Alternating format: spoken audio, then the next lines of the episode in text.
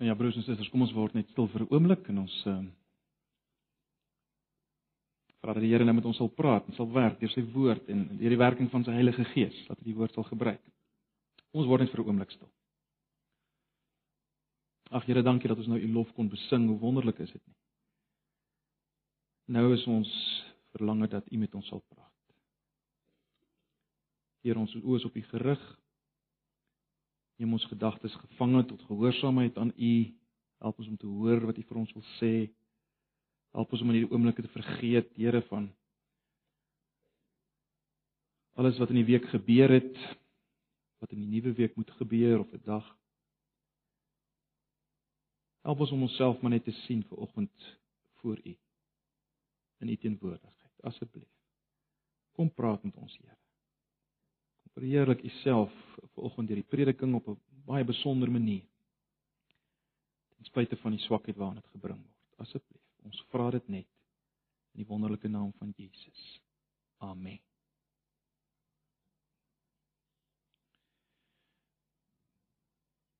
Nou ja, broers en susters, ons gaan voort met ons studie in in die boek Romeine. Ons kom vanoggend by Romeine hoofstuk 8. So julle kan blaai na Romeine hoofstuk 8. Ek gaan net die eerste 4 verse vanoggend lees en behandel.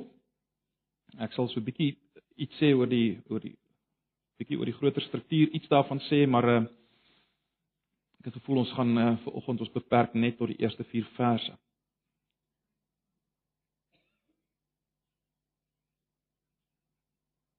Nou dis so min, ek kan sommer al twee vertalings lees. Kom ons lees eers die 53 vertaling, daar's nie groot verskille nie. Ehm uh, behalwe een wat ek sal opwys, Romeine 8 vers 1, 53 vertaling, daar is dan nou geen veroordeling vir die wat in Christus Jesus is nie. Vir die wat nie na die vlees wandel nie, maar na die Gees. Nou daai frase vir die wat nie na die vlees wandel nie, maar na die Gees is, dis natuurlik dit kom later uh, weer voor, maar uh, daar's redelik konsensus dat die beste manuskripte het nie daai frase in die in die in die in die in die oorspronklike teks. Vers 2. Want die wet van die Gees van die lewe in Christus Jesus het my vrygemaak van die wet van die sonde en die dood want God het wat vir die wet onmoontlik was omdat dit kragteloos was deur die vlees deur sy eie seun in die gelykheid van die sondige vlees te stuur en dit ter wille van die sonde die sonde veroordeel in die vlees sodat die reg van die wet vervul kan word in ons wat nie na die vlees wandel nie maar na die gees. Die 83 vertaling daar is dan nou geen veroordeling vir die wat in Christus Jesus is nie. Die wet van die gees wat aan jou in Christus Jesus die lewe gee het jou vrygemaak van die wet van sonde en dood wat die wet nie by magte was om te doen nie omdat dit weens ons sondige natuur te swak was. Dit het God gedoen. Hy het met die sonde afgereken deur sy eie seun in dieselfde gestalte as die sondige mens te stuur, sodat hy die sonde in die sondige bestaan van die mens veroordeel. Nou kan ons aan die eise van die wet voldoen, ons wat ons lewe nie deur ons sondige natuur laat beheers nie, maar deur die Gees. Ons lees net so ver. Nou Romeine 8 is al genoem die binneste heiligdom binne in die kathedraal as jy wil van die Christelike geloof. Wat ons ons dink broers en susters wat ons kry hier in Romeine 8, is dit geweldig, is dit nie? Ons kry van die wonderlikste seënings wat ons as Christene of wat ons deel is as Christene. Geen veroordeling meer nie, vrygemaak van God se oordeel. Dit kry ons in hierdie hoofstuk. Ons kry bewoon deur God se gees. Aangeneem in God se familie. Op pad na opstanding en heerlikheid. Vol hoop as gevolg van God se liefde en en en en en die wonderlike belofte dat alles werk ten goeie mee vir ons wat aan God behoort in Christus Jesus, want hy verander ons deur alles heen al meer na die beeld van Jesus. Dis geweldige wonderlike seëninge. Nou Hoofstuk 8 vers 1 tot 13 vorm een groot eenheid. Uh en en ek wil hê ons moet dit so hanteer. Vanoggend gaan ons net na na die eerste 4 verse kyk. Uh hierdie eerste hele groot eenheid van vers 1 tot 13 gaan eintlik oor die die lewe van die Gees. En dan vanaf vers 14 gaan dit oor die wonder van aanneming, né? Nee, die wonder van aanneming. Maar goed, kom ons dink 'n bietjie Hoe pas dan as ons nou sê 1 tot 13 is 'n is so onderafdeling, hoe pas dit in in die res van die boek tot dusver? Nou ek dink daar's twee doelwitte vir hoofstuk 8 vers 1 tot 13. Met ander woorde twee redes waarom ons dit hier kry, waarom Paulus dit hier in uh vir ons neergeskryf het. In die eerste plek brei hierdie gedeelte hoofstuk 8 vers 1 tot 13 brei uit op die nuwe weg van die Gees waarvan hoofstuk 7 vers 6 alreeds gepraat. Kyk gou na hoofstuk 7 vers 6.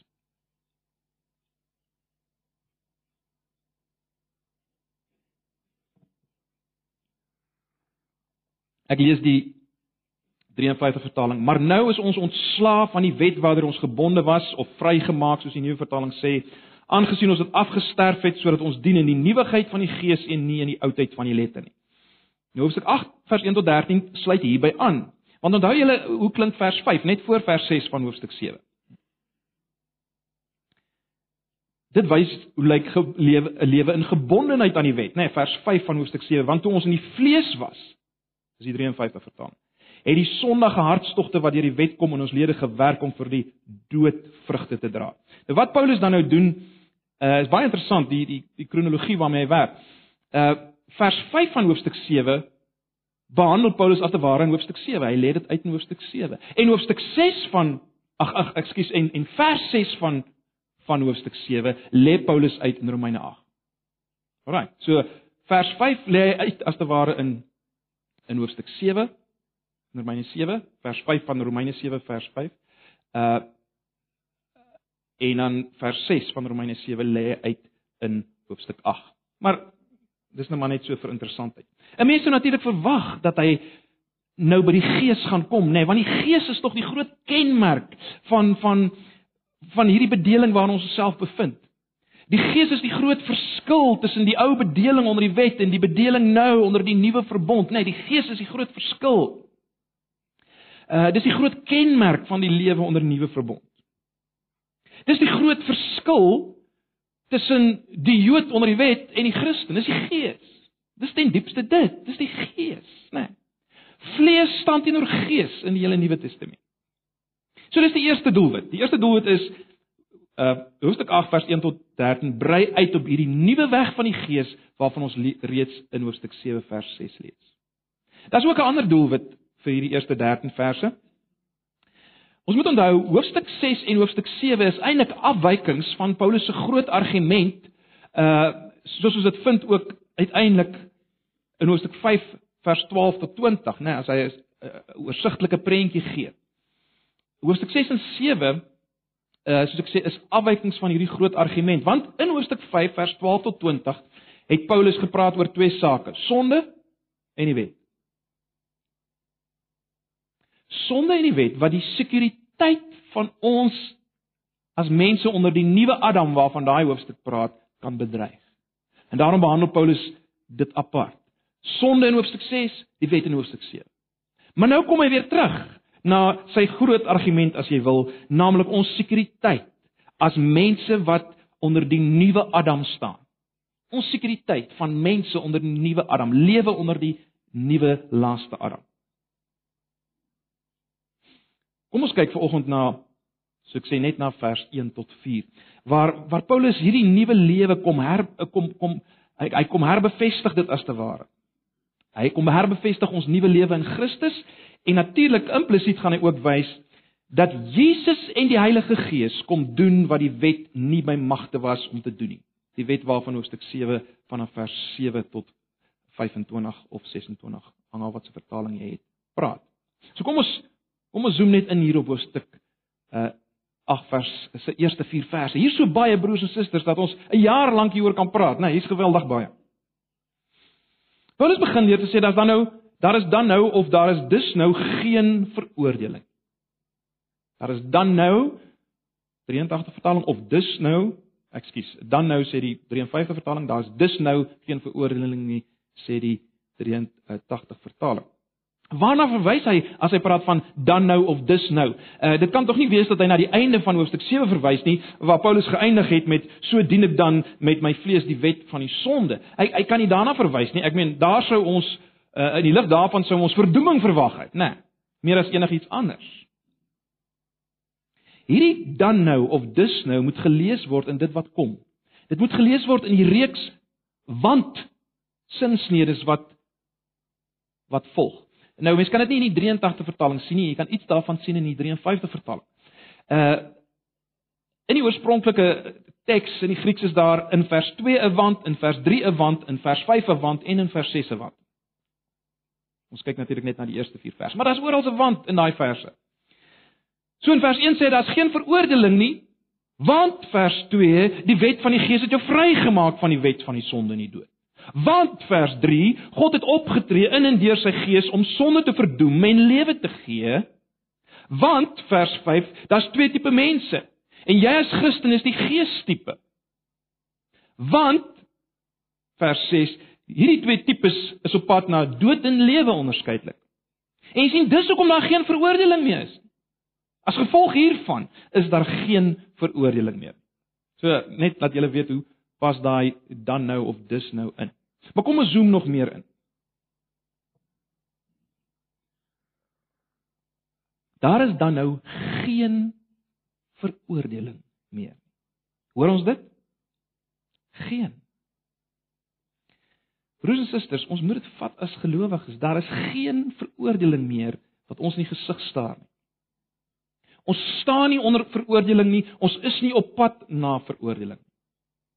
Ons is klaar met die bestaan van veroordeling. Jy sien veroordeling pas by die ou mens en by die bedeling van die wet. Dis waar die ou mens hoort en die mens onder die wet hoort, veroordeling. Veroordeling vir die sonde wat al meer en meer duidelik word deur die wet. Die gelowige staan nie meer onder daai veroordeling nie. Baie baie belangrik. Luister, dit maak nie saak hoe jy voel nie. En dit is belangrik dat ons dit vir mekaar sê. Maak nie saak hoe jy voel nie. Dis die werklikheid. Christene verstaan dit baie keer verkeerd. Hulle dink as ek my sonde, die oomblik as ek my sonde bely, op daai oomblik is ek nie meer onder veroordeling nie. Maar as ek nou net nou weer sondig, dan is ek weer onder veroordeling. So dan moet ek nou eers weer my sonde bely en dan as ek weer nie onder veroordeling nie. Die punt is, jy's onder geen veroordeling nie. Dis jou posisie. Dis jou posisie. Jy's onder geen veroordeling of jy sonde bely of nie. Jy moenie verkeerd verstaan nie. Ek sê nie ons moet nie ons sonde bely nie. Maar jy hoor wat ek sê. Daar is geen veroordeling nie. Maar nou baie belangrik. Die volgende frase is belangrik, die frase in Christus Jesus. Daar is geen veroordeling. As jy dink jy staan nog onder veroordeling, dan vergeet jy hierdie volgende frase, né? Nee. Daar's geen veroordeling vir die wat in Christus Jesus is nie. Ons vergeet daai frase. Want wat beteken dit as hy sê daar's geen veroordeling vir die wat in Christus Jesus is nie? Dit beteken, dink net mooi daaraan. Net so min soos daar veroordeling is vir Jesus, net so min is daar vir jou, want jy's dan in hom. Glo ons dit? Jy's in hom. God het dit gedoen. God plaas ons in Jesus. Ag julle sal weet, ons het dit reeds in hoofstuk 6 gesien dat ons in hom is. In hom gesterf het en 'n nuwe mens staan in hom op. Die mens wat ek nou is, is in Jesus Christus. Hierdie mens is nou vry van die heerskappy van sonde aan die een kant. Hy's vry van die heerskappy van die wet aan die ander kant. Dis die nuwe mens. Dis wat ons gesien het tot nou toe. Efesiërs 2 vers 6 stel dit so mooi. Hy sê Ons sit nou in hom in die hemele. Ons sit nou in hom in die hemele. Onthou wat ons gesien het, moet dit nie vergeet nie. Wat het ons gesien in hoofstuk 7, die eerste 6 verse? Ons het gesien ons staan in 'n huwelik met Jesus. Ons is nie meer in 'n huwelik van veroordeling waaronder ons was toe ons uh, onder, onder die wetsbedeling gestaan het nie of die, die, die waarin die mense gestaan het wat onder die wetsbedeling gestaan het. Ons is dood vir daai verhouding. Maar dit is belangrik, vat hierdie huweliksbeeld. Van Romeine 7 vers 6, vat dit. Dis geweldig. Dink net vir 'n oomblik, wat sê Paulus oor hierdie huwelik met Jesus in Efesiërs 5 vers 30? Die letterlike vertaling Efesiërs 5 vers 30 sê ons is been van sy been, vlees van sy vlees. Dis hoe nou ons verhouding is met Jesus in hierdie huweliksverhouding met Jesus. Ons is been van sy been, vlees van sy vlees. Met ander woorde, ons is absoluut een met hom. Dis geweldig, broers en susters. Dis die hele punt hier. En daarom is daar nie veroordeling. Ons is in hom. Jy sien dit beteken dat as jy sondig, sondig jy nie as iemand wat onder die ou bedeling staan of onder die wet staan nie. Jy sondig is iemand wat om die term te gebruik wat Paulus gebruik uh, in Romeine onder genade staan. Jy staan nou onder genade want jy's in Christus. Ons moet daai prentjie kry. Ons is in ons is in 'n ander ons is op 'n ander plek. Julle onthou Romeine 6 vers 14 sê want die sonde sal oor julle nie heers nie, dis die letterlike vertaling, 53 vertaling. Die sonde sal oor julle nie heers nie want julle is nie onder die wet nie, maar onder die genade. Dis die plek waar julle nou is. Onder die genade in Jesus.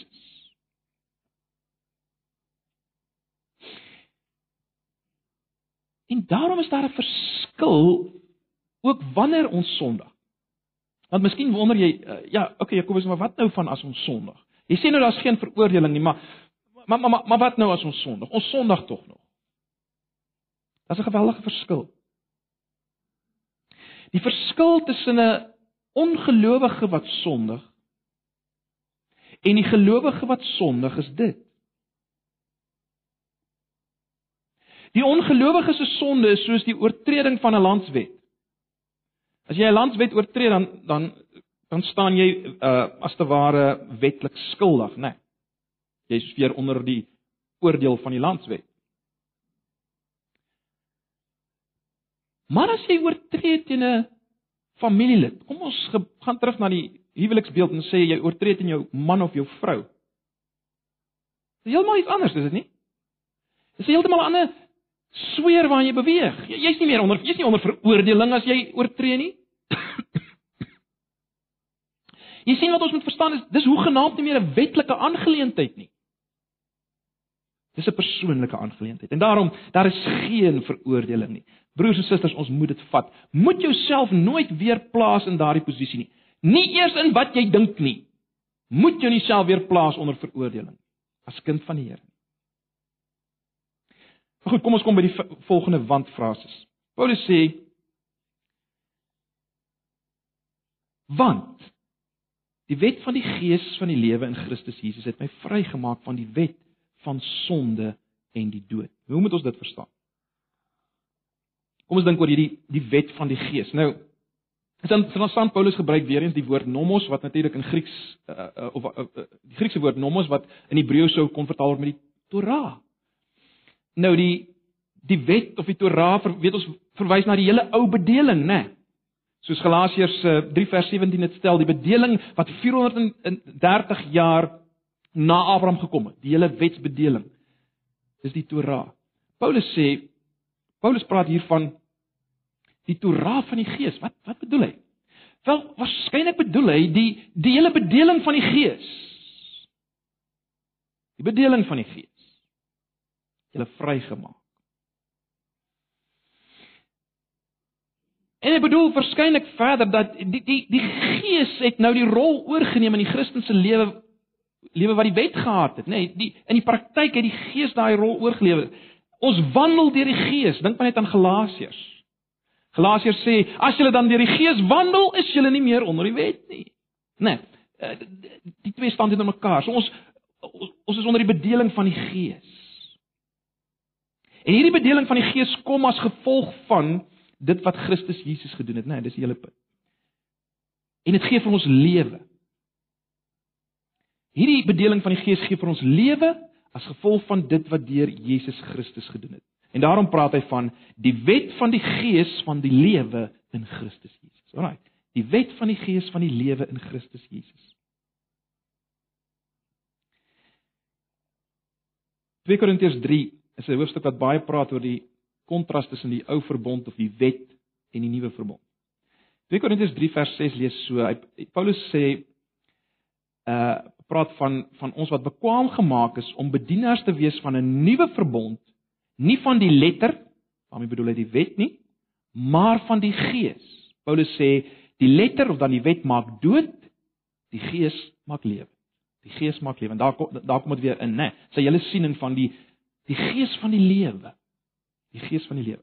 Dis 2 Korintiërs 3 vers 6 as jy dit wil neerskryf. Kom ons kom by die volgende frase. Hierdie wet van die Gees van die lewe het my vrygemaak van wat? Van die wet van sonde en die dood. Nou, mens sou kon sê dat hierdie wet van die sonde en die dood beteken die beginsel van sonde en die dood. Maar Paulus gebruik weer die woord nomos, wet. Torah. En daarom is ek al meer oortuig of ek is heeltemal oortuig dat dit verwys wel na die wet van Moses. Die wet van die sonde en die dood verwys na die wet van Moses. Dit verwys na die ou bedeling van die letter. Hoekom sê ek so?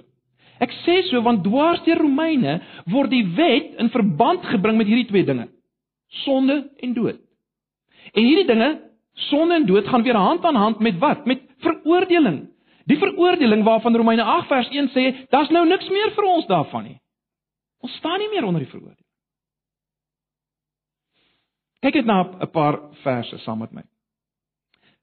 In Romeine 4 vers 15 lees ons: "Want die wet werk toorn." Maar waar die wet is, is daar ook geen oortreding nie. Dis Romeine 4 vers 15. Kyk na Romeine 7 vers 5. Ons het net nou daarna verwys. Want toe ons in die vlees was, het die sondige hartstogte wat deur die wet kom in ons lede gewerk om vir die dood vrugte te dra. Daar's die dood. En kyk na 7 vers 9. 7 vers 9, hoofstuk 7 vers 9 en sonder die wet het ek vroeër gelewe, maar toe die gebod kom, het die sonde weer opgelewe en ek het gesterwe. Jy sien, daar's weer die dood. Wet staan in verband met dood. Maar die die duidelikste aanduiding van die feit dat die die wet van sonde en die dood verwys na die die Ou Testamentiese bedeling onder die wet, die hele wetsbedeling uh is weer eens 2 Korintiërs 3. 2 Korintiërs 3.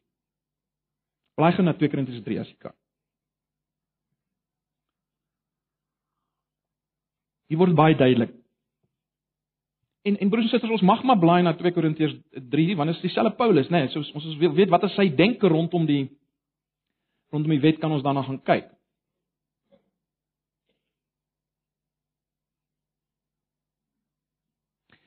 Ek lees vanaf vers 6b. Ons het net nou verwys na vers 6. 2 Korintiërs 3 vers 6b. Ek lees die 53 vertaling. Want die letter maak dood. Nou weer eens die letter, dis die bedeling van die die die wetsbedeling, ou verbondsbedeling. Die letter maak dood, maar die gees maak lewend. En luister nou na vers 7.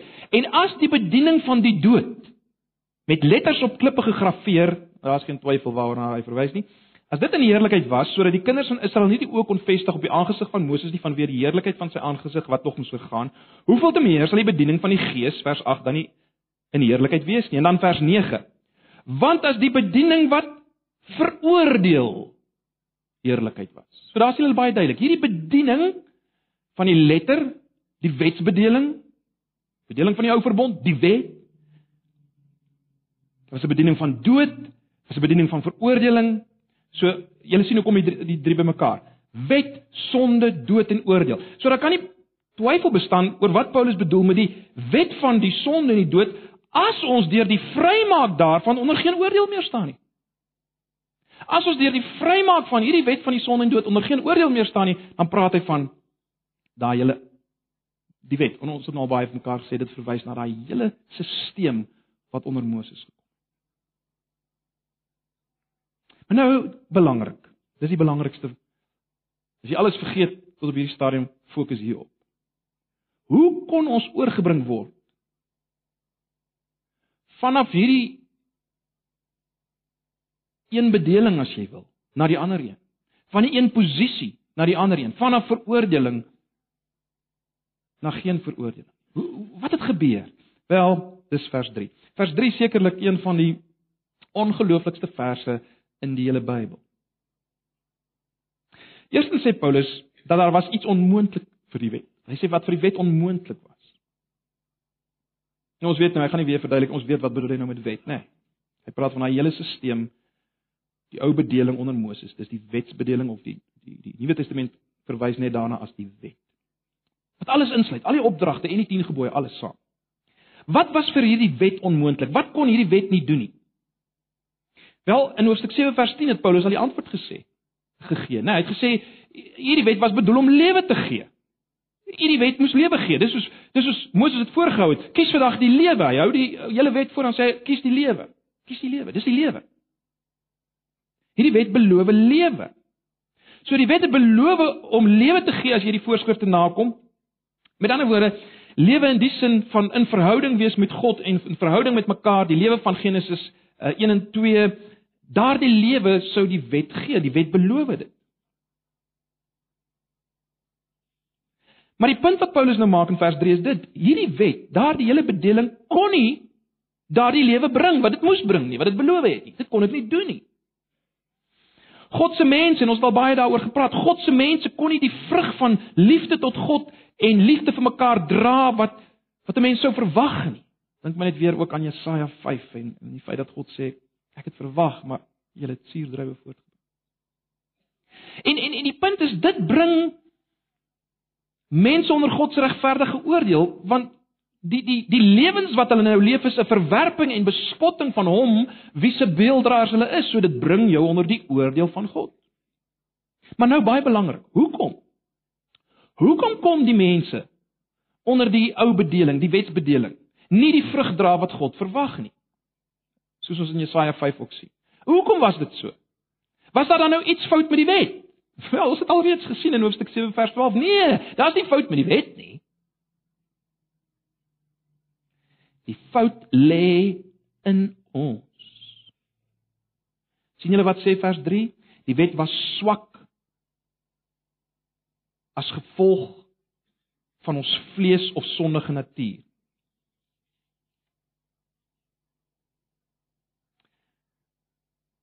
Swak is die woord wat die 53 vertaling gebruik kragteloos ag eh, ekskuus krag eh, swak is die woord wat die 83 vertaling gebruik kragteloos is die woord wat die 53 vertaling gebruik. Die wet was kragteloos of swak. Hoekom? As gevolg van ons vlees of dan sondige natuur. So die probleem lê in ons die probleem waar waarom daar nie kon lewe wees en kon vrug wees lê in ons Dit wat in ons is, het die wet kragteloos gemaak om te doen wat hy beloof het om te doen. Hy kon dit nie doen nie want daar's 'n probleem. Die sondige natuur. So die probleem ten diepste sonde broers en susters. Sonde of die sondige natuur. Dit het die wet swak gemaak, kragteloos gemaak. Terloops die ek moet miskien net noem die woord vlees uh soos die 53 vertaling gebruik is nogal is nogal 'n moeilike woord om presies te vertaal in die in die, in Afrikaans, nê. Nee. Uh dit wys eintlik na die mens natuur buite die gees. Dit verwys na die mens natuur soos hy gebore word onder Adam. Die mens in Adam se natuur, dis die vlees. So uh, ek weet ons is geneig om as ons hoor die vlees en dink ons net aan dan dink ons aan wel is. Maar, maar dit gaan oor meer as dit, hoor. Probeer alles vir jouself verstaanbaar maak in die sin van 'n 'n vreeslike terminale virus. Probeer so daaraan dink, 'n vreeslike terminale virus. Daar's geen manier hoe jy kan lewe solank jy hierdie virus het nie. Jy kan al die beste voorskrifte hê en uh voornemens hê. Dit gaan alles net vererger. En wat alles skrikwekkend maak is dat As hierdie virus sy siklus voltooi, dan bring dit die dood. Ewige dood onder God se oordeel. Want God kan nie saam wees met mense met hierdie virus nie, as ek dit so kan stel. En broers en susters, dis hoekom die groot geneesheer opgetree het, né? En dis waar Jesus inkom. Jy sien daar was net een manier waarmee waarop daar gehandel kon word met hierdie virus en dis Romeine 8 vers 3 se goeie nuus. God het iets gedoen. God het iets gedoen. Ons kan nie iets aan die virus doen nie. Dit moet ons ook vir mekaar vanoggend sê. Ek meen, jy kan dag en nag die wet deurdink. Soos die mens onder die ou bedeling dit gedoen het. Jy kan dag en nag die wet deurdink en derbid en wonderlike voornemens hê, maar iewers gaan die virus veroorsaak dat jy misluk. En die virus gaan uiteindelik tot jou verdoeming lei. En en en en dit gaan jou plaas onder God se oordeel weer eens Want God en mense met die virus kan nie saam bestaan nie. En dis waar die meesterplan van God inkom, is dit nie? Die kom van Jesus na die wêreld. Baie belangrik. Jy sien, 'n mens moes met hierdie virus of wil ek so sê, eh, laat ek dit so stel, 'n mens met hierdie virus moes uitgewis word om die virus uit te wis. Ek sê dit weer. 'n Mens met hierdie virus moes uitgewis word as jy die virus wil uitwis. Daar was geen ander manier nie. Want die die hele wetsbedeling het gewys uh ek en jy kan nie die virus en sy gevolge oorwin nie. Ons kan dit nie oorwin nie. En dieselfde beginsel geld vir al jou wetjies wat jy vir jouself maak. Uh al wat gaan gebeur is jy maak die virus net meer aktief. Hierdie virus raak al meer aktief hoe meer jy hom onderdruk met enigiets. Net een plan kon werk. God moes in dieselfde gestalte as die mens kom. Dis vers 3. Die klem in vers 3 is op sy eie seun. Hy het sy eie seun in die gelykheid van die sondige vlees gestuur. En die klem op sy eie seun is is is daar omdat die klem moet gelê word op dis dis God die seun, dis God wat mens geword. Hy het werklik volkomme mens geword. Ons het al baie daaroor gepraat, né? Anders kan hy kon hy nie die probleem oplos nie. Jesus moes mens word, gebore word soos ons, groot word soos ons. En dit is fascinerend in sigself, is dit nie? Die een wat die mikrokosmos en die makrokosmos beheer, het 'n baba geword wat skreeu in 'n krib. Dit was radikaal hierdie oplossing. Radikaal. Maar die baba in die krib was ook God. Jesus sê ek en die Vader is een. En hy was baie belangrik. Hy was sonder die virus. Johannes 1 vers 1. In hom was die lewe. Daai lewe wat die wet nie kon gee nie, dit was in Jesus. maar baie belangrik, Jesus het nie in die krib gelê om vir ons te kom wys hoe moet ons lewe nie of hoe liefde lyk nie of om ons te kom oortuig om God lief te hê nie. Dis nie waarvoor hy gekom het nie. Jesus het gekom vir een doel, hy moes die een wees in wie die virus uitgeroei word. Hy moes die een wees in wie die virus uitgeroei word. Jy kan amper vergelyk met 'n moslim selfmoordbommer, né? Wat op 'n bus klim en weet hy gaan nooit weer afklim nie. Hy's daar vir een doel, hy moet sy sending voltooi, hy moet sterf. Dis hoe Jesus se koms was. Dis hoe Jesus se koms was. Hy het gekom om sonde te vernietig. Dis wat vers 3 sê. Hy het gekom af te reken met die sonde.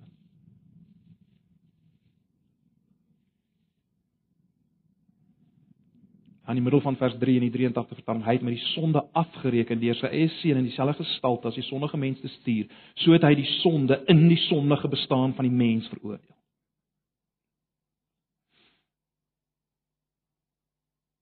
Jy sien, hy wat sonder die virus was, moes die virus op 'n manier kry en sterf. En jy sal onthou die verstommende ding en ek het verlede Sondag daarna verwys is dat ehm uh, God gebruik juis hierdie wet wat lewe moes bring en dit nie kon doen nie. God gebruik juis hierdie wet, hierdie hele bedeling om sonde as te ware te vermeerder, om die virus te kweek. En hy kweek die virus as te ware in sy eie mense, die Jode. Tot sy volle grootte. Hy laat hierdie virus groei tot sy volle grootte. En dan word die virus geplaas op Jesus. die plaasvervangende Jood, die een wat die rol van Israel oorneem volgens die Nuwe Testament. Jesus.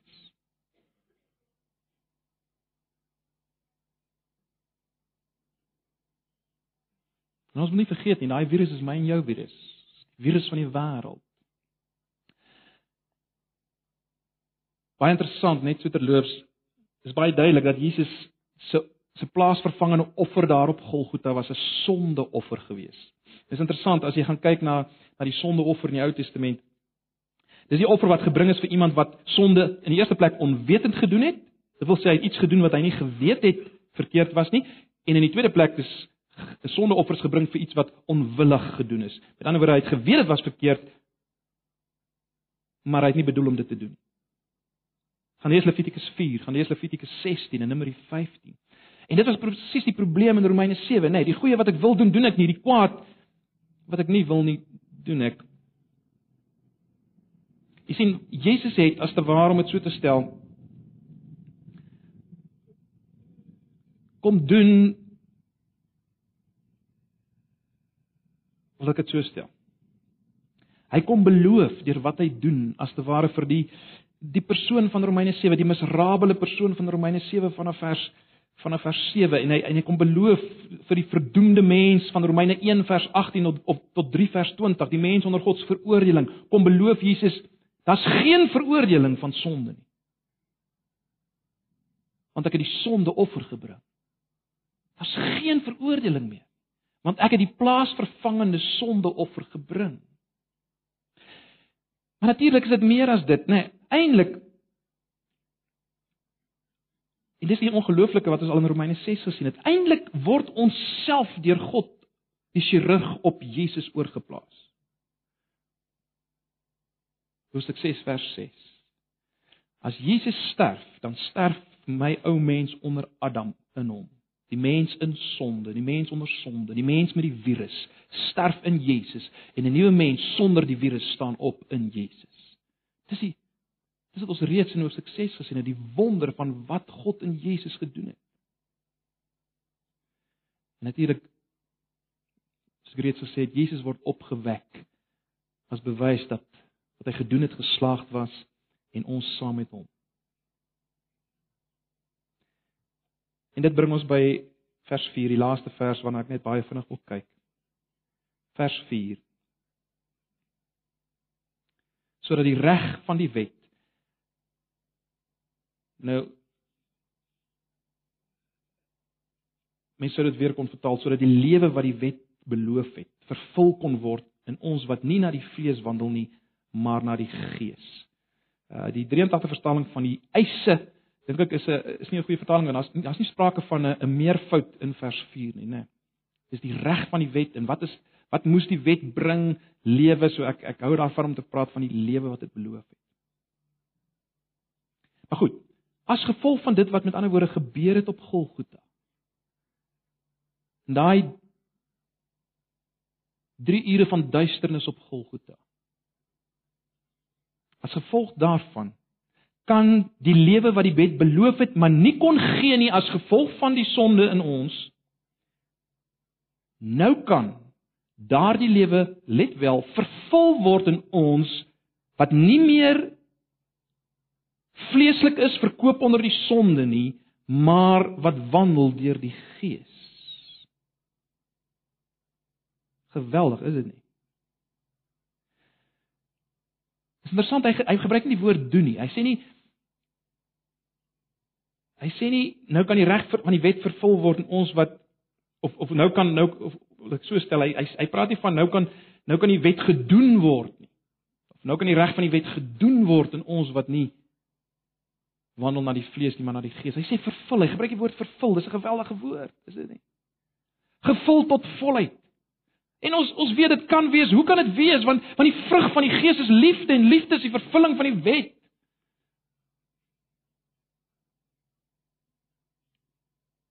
In ons wat die Gees het. Broers en susters, dis die praktiese resultate van wat God gedoen het. Baie belangrik. Baie belangrik. Die klem is op dit wat God gedoen het buite ons as te ware. Geen veroordeling meer nie. Ons kan niks daaraan doen nie. God doen dit in Jesus, maar baie belangrik, ook in ons is daar 'n verandering. Ons het nou die Gees. Ons is in 'n beter posisie as die mense onder die ou bediening. Ons kan doen wat hulle nie kan kon doen nie. Ons moenie 'n fout maak nie. Ja, in gebrokenheid. Ja, ons moet nog stry en ons moet sonde doodmaak. Maar ons wandel deur die Gees. Dis dis die praktiese resultate van wat God gedoen het. Ons het gesien dat mense in die vlees om dit so te stel. Mense wat onder beheer is van hulle ou sondige natuur, wanneer hulle van aangesig tot aangesig kom met God se wet, dan kan hulle nie lewe openbaar nie. Net so min soos 'n gaslamp wat jy indruk by 'n elektriese muurprop. Jy kan dit kan nie gebeur nie. Jy sien Die die mense in Romeine 7 vers 14 was vleeslik verkoop onder die sonde. En dan moes iets gebeur, die lamp moes nuut word. Die lamp moes nuut word. 'n Elektriese lamp word. Net as jy 'n elektriese lamp indruk by 'n muurprop werk het, as jy nie dit doen nie, dan is daar 'n ontploffing. Daar vind 'n ontploffing plaas. As jy die gaslamp indruk by wyse van spreek. Die Christen wandel deur die Gees. Hy wandel deur die Gees. Hy leef deur die Gees. Later gaan ons sien hy hy bedink die dinge van die Gees. Al wat ons moet sien vanoggend is dit.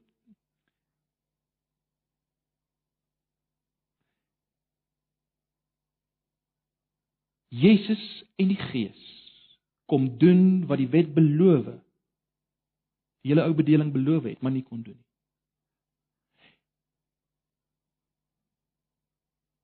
En dit het praktiese gevolge in ons. In ons wat nou na die Gees lewe. Nie meer na die vlees nie. En dit is al wat ons moet raak sien. Volgende ons sal nou van volgende Sondag verder gaan kyk na prakties hoe dit lyk en so meer. Ek wil hê jy moet net vir 'n paar oomblikke by jouself stil word. Word net 'n paar oomblikke by jouself stil en dan vra jouself af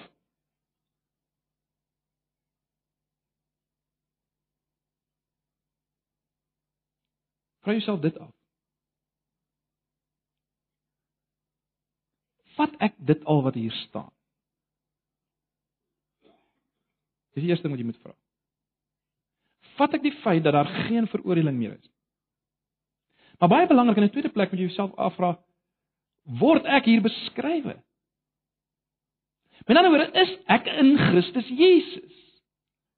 Wandel ek deur die Gees? Is ek in Christus Jesus? Dis 'n goeie tyd om dit vanoggend dalk weer vir jouself af te vra. Is ek in Christus? Het ek die Gees? Ek vra nie of jy volmaak is nie. Ek vra nie of jy absolute oorwinning het en alles. Glad nie.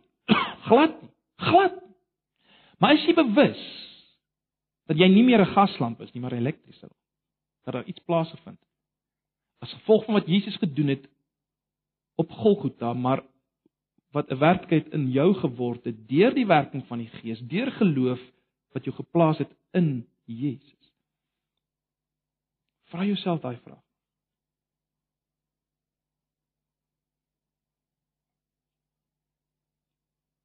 Het ek die Gees?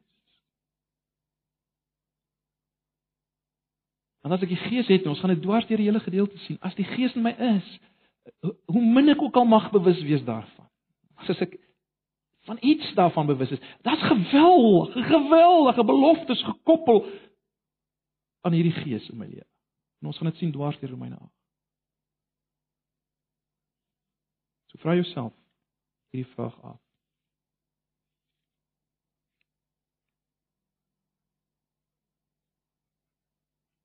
Maar as kind van die Here word bemoedig deur die eerste 4 verse. Dis die hele doel van Romeine 8 vers 1 tot 4. Is om ons as gelowiges te bemoedig. So ek wil julle nie weer in, in onsekerheid, ek wil julle bemoedig. As geen veroordeling. Moenie vrees vir die oordeelsdag nie. Moenie vrees vir jou dood nie. Daar's geen veroordeling meer. Geen veroordeling vir die in Christus Jesus. Ag broers en susters, wat 'n wonderlike wonderlike belofte in hierdie eerste 4 vers. Kom ons sit net so dan bid ons saam. Ja, Here baie dankie vir u woord.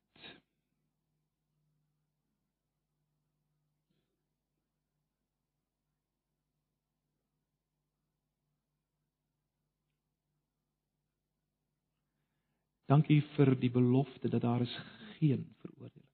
Here, u ken ons, u ken my. U weet hoe sukkel ons om dit te vat. Ag, ek wil bid dat u vir ons sal vrymaak om om dit te vat en om dit te sien.